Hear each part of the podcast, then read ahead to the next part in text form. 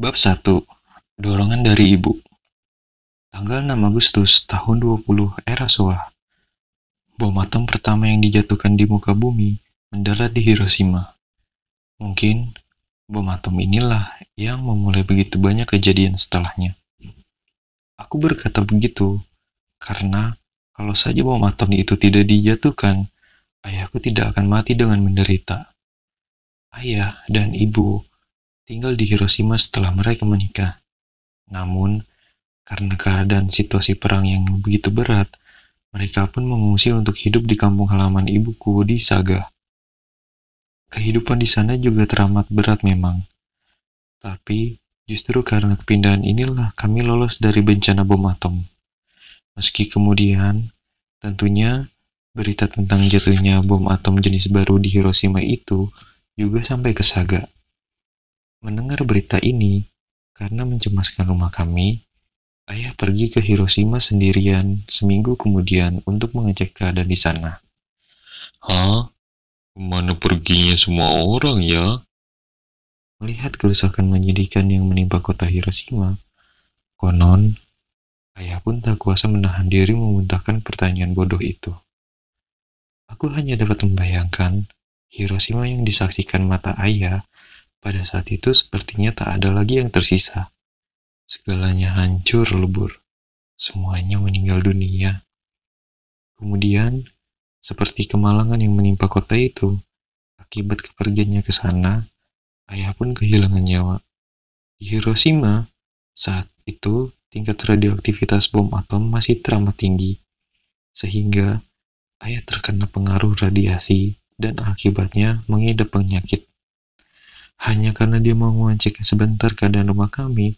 Karena itulah, saat aku dilahirkan, ayah sudah menjadi orang berpenyakitan yang hanya bisa tergeletak di tempat tidur. Padahal saat itu, ayah dan ibuku baru berusia 20 tahunan. Ya, kisah yang menyedihkan memang. Tapi tunggu dulu. Ketika sudah tumbuh dewasa, aku pun berpikir, tidak, Tunggu sebentar. Tunggu, tunggu. Sepertinya ada yang aneh. Aku pun bertanya kepada ibu. Ibu, ibu. Waktu aku lahir, ayah sudah di rumah sakit ya? Iya, sudah. Kalau begitu, waktu ibu hamil, ayah masih sehat ya? Tidak. Ayahmu sudah di rumah sakit kok, nak. Ada apa, Hiro-chan? Ah, kalau begitu, ayah pernah pulang ke rumah ya, Bu? Terus ada di rumah sakit kok. Ah, begitu ya. Jadi di rumah sakit toh. Ayah tidur di kamar pribadi ya, Bu? Sudah jelas tidak mungkin kan? Waktu itu rumah sakit di mana-mana pasti penuh pasien. Mana ada kamar pribadi? Ya, kisah yang menyedihkan memang. Tapi, kalau aku berusaha bertanya lebih lanjut, wajah ibu akan memerah. Mulutnya akan menuturkan jawaban-jawaban yang tidak jelas. Untuk kemudian sama sekali diam. Ya, yang pasti secara nama aku adalah anak ayah. Meski aku tak punya satu pun kenangan akan dirinya. Sebenarnya, Waktu kecil, aku masih punya ingatan akan seorang mengucapkan selamat jalan, sambil melambaikan tangan setiap kali aku keluar rumah. Namun, berhubung karena ayah selalu berada di rumah sakit, orang itu pastinya bukan dia. Ya, entahlah siapa itu. Karena sepertinya kami berpindah-pindah dari rumah satu saudara perempuan ibuku ke rumah saudara lainnya.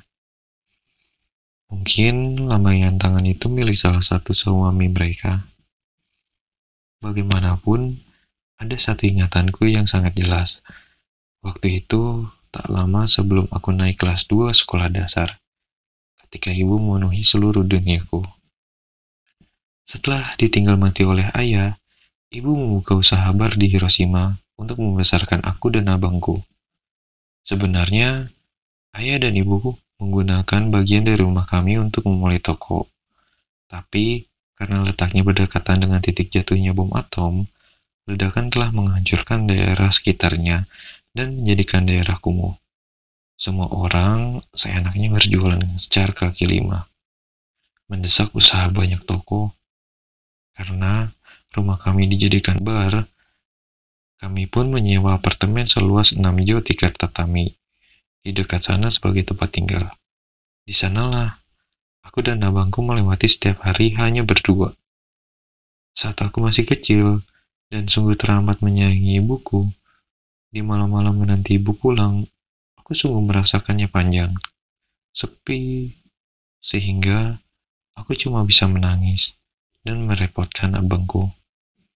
Aku ingat, saat aku menangis, bibi induk semang akan datang dan membujuk. Jangan menangis. Jangan menangis, Ahirocan. Kemudian, mamangku diriku dan mengelus-ngelus kepalaku. Pada masa itu, induk semang merupakan orang yang sangat mengetahui situasi dan kondisi penyewa rumahnya. Pengetahuan soal struktur keluarga tak perlu dipertanyakan lagi. Mulai dari pendapatan hingga hutang piutang, induk semang sudah pasti orang yang paling tahu dibanding siapa pun. Karena itulah, Bibi Induk Semang sangat mengetahui keadaan rumahku. Dan mungkin ini yang menyebabkan dia sering datang untuk menghiburku. Meski begitu, bagaimanapun menangis sesungguhkan di rumah kemudian hanya berlalu sebagai masalah yang merepotkan tetangga. Masalah yang sebenarnya timbul ketika aku sudah masuk sekolah dasar dan mulai dapat pergi sendiri ke bar ibu di tengah malam. Seperti yang sudah aku tulis sebelumnya, daerah sekitar kami tinggal adalah daerah kumuh. Di daerah seperti itu, aku yang masih kecil berkeliaran sendiri hingga ke tempat kerja ibu. Sudah pasti membuatnya cemas. Mungkin sejak saat itulah ibu dan yang lainnya mulai secara rahasia menjalankan suatu rencana. Tentunya, aku sama sekali tidak tahu menahu soal itu.